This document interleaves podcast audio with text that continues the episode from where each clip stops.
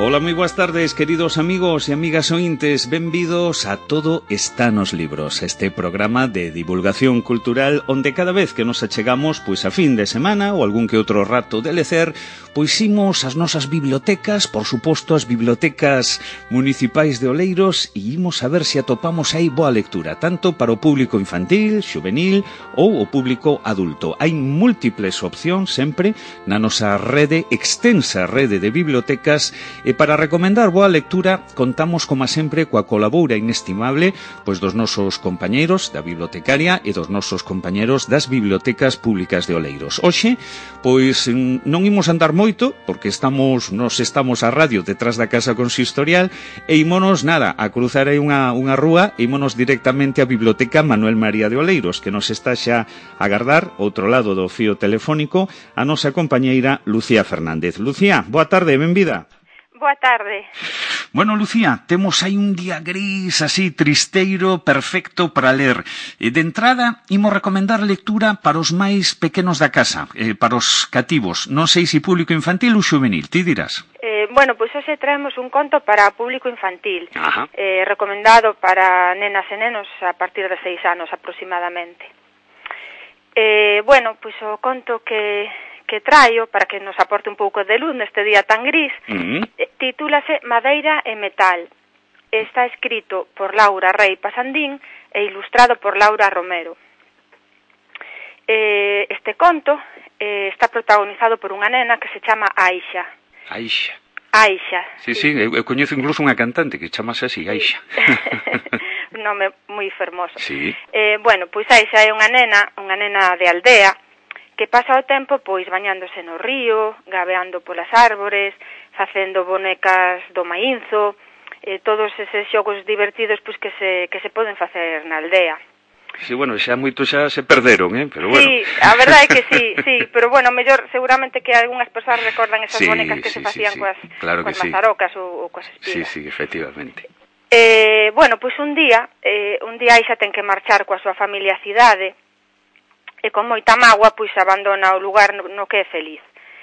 Eh, co paso do tempo, aí xa chega a querer moito aquel lugar, esa cidade na que reside, pero eh, sinte unha profunda morriña pola súa aldea. A mm. morriña va acompaña sempre. Sempre, claro. Mm.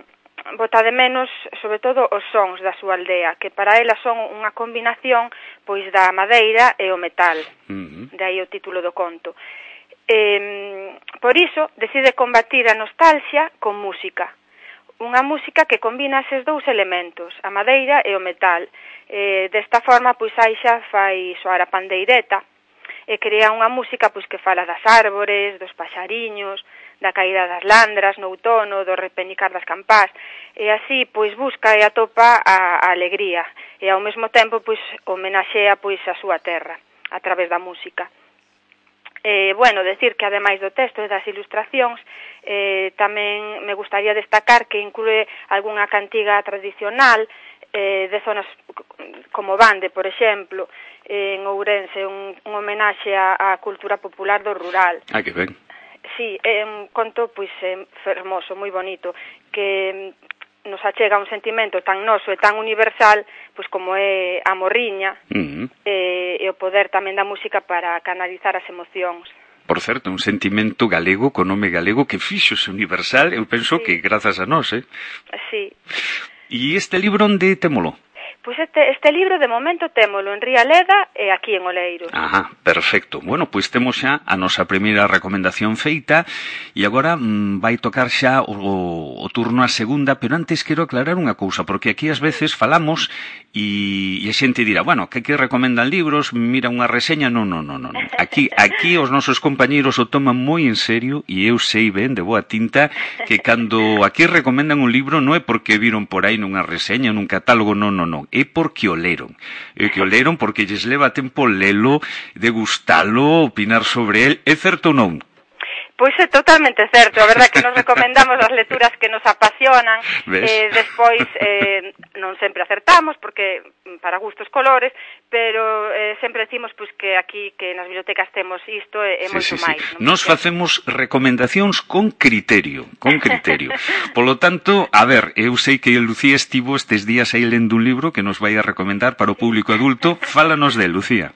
Bueno, pois pues é un libro que me gustou moito e que, bueno, que me vai a costar un pouco resumir, eh, sin dar a sensación de que o mellor é unha lectura un pouco eh, difícil, non? Eh, todo o contrario. Uh -huh. É unha lectura eh, moi fluida e moi agradable e que ademais reconforta. Eh, o libro que traio para adultos, uh -huh. para mozos e adultos, titúlase El peligro de estar cuerda. É eh, un libro de Rosa Montero, está editado por Seix Barral. Uh Eh, bueno, Rosa Montero naceu en Madrid, eh, estudiou xornalismo e psicoloxía, eh, debutou como novelista no 1979 con Crónica del desamor, pero bueno, as súas novelas son moi coñecidas por todos, como por exemplo, pois La hija del caníbal, La loca de la casa, La ridícula idea de no volver a verte, La buena suerte, eh, eh obtivo, por exemplo, no 2017 o Premio Nacional das Letras, eh, a súa traxectoria como xornalista foi recoñecida en numerables ocasións, por exemplo, pois eh, co Premio Nacional de Periodismo. E bueno, despois de facer así esta breve introdución, mm -hmm.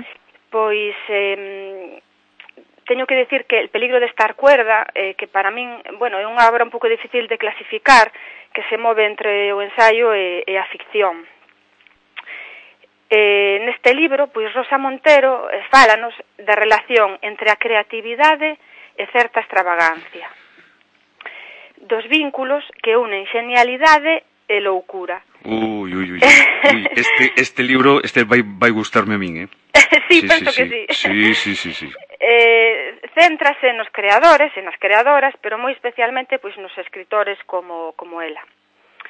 Por unha banda, eh, Rosa Montero contanos curiosidades sobre como funciona a nosa mente, eh, fai unha grande labor de documentación de, do traballo de neurólogos, psicólogos, mm. psiquiatras, especialistas en adiccións, entre outros. Eh, por outra banda, comparte con nós a súa experiencia persoal, falanos das súas manías, eh, por exemplo, dos ataques de pánico que sufriu na súa xuventude, eh, tamén fai un interesantísimo percorrido pola vida de grandes creadores e creadoras que escandalizaron ao mundo, pois o mellor coas súas rarezas e, e coas manías. Sobre todo, eh, falanos de escritores como Charles Bukowski, Marcel Proust, Siri Husved, Virginia Woolf, Silvia Plath, Jan Frame, Doris Lessing, Joseph Conrad, mm -hmm. Carmela Foret, Emily Dickinson, bueno, e, e moitos máis. Eh, eh, fálanos eh, sobre a abundancia de manías dos creadores, por exemplo, así como curiosidade, pois coméntanos que Kafka mastigaba cada bocado 32 veces. Mameña. Así como anécdota. Wow. eh, algunhas biografías están máis traballadas que outras, pero son todas moi moi interesantes. Eh, eu, eh, sobre a creatividade, coméntanos pois que moitas veces para os creadores eh, pois é salvador a escribir, por exemplo, eh, eh, terapéutico. Eh, é o que fai soportable pois a escuridade da vida e, e o medo á morte, non? hai moitas, moita xente que ten imaginación e que é creativa, aínda que despois non faga nada concreto con iso, pero para que mm, Rosa Montero coméntanos para que, que para que se dea unha creatividade productiva pois é necesario que coincidan un bon número de factores, non o que se chama pois a tormenta perfecta de que hai detrás de cada libro, de cada, cada escultura, de cada cadro, de cada canción. Eh, bueno, eh, ademais do proceso de creación, pois a autora fálanos eh, da relación dos creadores co, mm, coas drogas, coa depresión, co suicidio, eh, moitas, moitas cousas máis. Ao final, eh, acaba por ser unha reflexión sobre o sentido último da vida. Eh, bueno, eu recomendo esta lectura porque absorbe, non é un libro aburrido para nada, eh, nin pesado, a forma de narrar de Rosa Montero eh, consigue que se lea como unha desas novelas que non, non se poden soltar. Eh, de feito, pois a min xa me gusta moito como empeza, non? Nas primeiras páxinas do libro, pois explica que ela sempre soubo pois que algo non funcionaba ben dentro da súa cabeza. sí, eh, eh, que bueno, con unha das cousas boas que foi descubrindo cos anos, eh, pois eh, que ser raro non é nada raro. Todos somos rarunos, aínda que si uns máis que outros, pero todos somos rarunos porque a normalidade non existe, eh. é pois claro, claro. unha construción eh, que se fai unha media, non? Eh, estadística. Sí, sí, sí. sí. E, e bueno, pois que tamén para ser felices pois temos que buscar a nosa manada de raros, non? a nosa tribu, non? Sí, a nosa tribu. defende un pouco o valor de ser diferente, pero tampouco eh, hai que decir que non frivoliza, frivoliza, perdón, con con cuestións como pois, o sofrimento das persoas pois, que teñen algunha enfermidade mental. Mm. Eh, ao final, o libro inclui unha interesantísima entrevista que Rosa Montero lle fixo a Doris Lessing, que foi Premio Nobel de Literatura, eh, unha entrevista que lle fixo no 1997, dez anos antes de, de gañar o premio. Eh, e bueno, eu mm, animo a todas as persoas a que, a que se acheguen polas bibliotecas e, e collan este libro en préstamo porque penso penso que lles, que lles pode gustar. E se non lles gusta, pois temos moito máis, non pasa nada. Moitísimo máis, verdade? Moito, moito máis. Bueno, bueno. E mentres tanto, bueno, aparte de ter moito máis e moitas opcións, DVDs, discos, cómics, etcétera, tamén moitas actividades que hoxe hai un contacontos en Mera, non? Pois sí, hoxe hai un eh, contacontos en Mera, eh, contacontos para nenas e nenos de entre 2 e 5 anos, as, as plazas xa están completas, xa pero está bueno, todo, todo eh, ocupado. Sí, o aforo mm. está completo, pero aínda así sempre recomendamos porque pois que as persoas que chamen porque algunhas veces pois hai baixas de última hora, mm. e sempre facemos aí unhas listas de agarda que, ah. que son moi útiles para nós. Perfecto.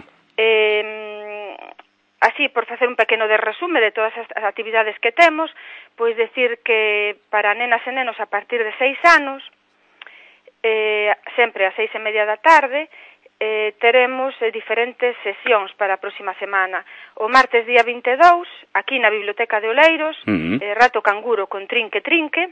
Hai prazas todavía? Eh, hai prazas todavía. Uh -huh, perfecto. Ao día seguinte, o mércores, na Biblioteca de Santa Cruz, os libros da Titiriteira, con A Xanela do Maxín, o xoves 24 en Rialeda, Contos de Trasnos e Meigallos, con Iván da Vila, tamén hai plazas, e o vendres 25, en Nós, imos buscar un oso, con Lía Magalia.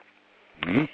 Despois, para nenos entre 2 e 5 anos, o xoves día 24, na Biblioteca de Lorbé, eh, vai haber contacontos con Pablo Díaz, Eh, houve que eh, facer aquí un pequeno cambio porque por motivos persoais a sesión que estaba prevista con maquinista tivo que suspenderse eh, entón, pois, virá Pablo Díaz a sustituílo. Eh, estou segura que aos neniños eh, de 2 a 5 anos que les vai a, a encantar. A Pablo Díaz é un auténtico crack, vamos sí, iso, un crack. vamos, absoluto. Conta e canta fabulosamente. Mm. Despois eh, temos tamén un obradoiro para nenas e nenos a partir de 6 anos o Benres, día 25, na Biblioteca de Mera. Eh, o obradoiro será ás 5 e media. Mm. O, será Trapa o Morcego.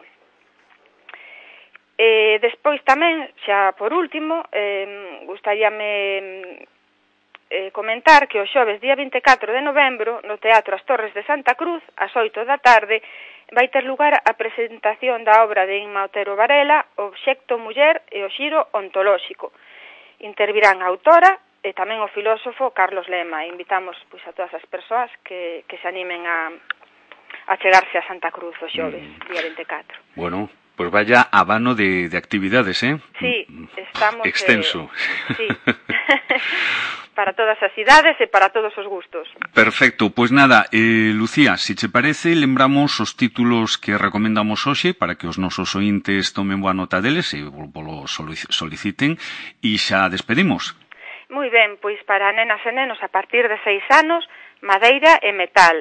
De Laura Rey Pasandín e para xóvenes e adultos El peligro de estar cuerda, de Rosa Montero.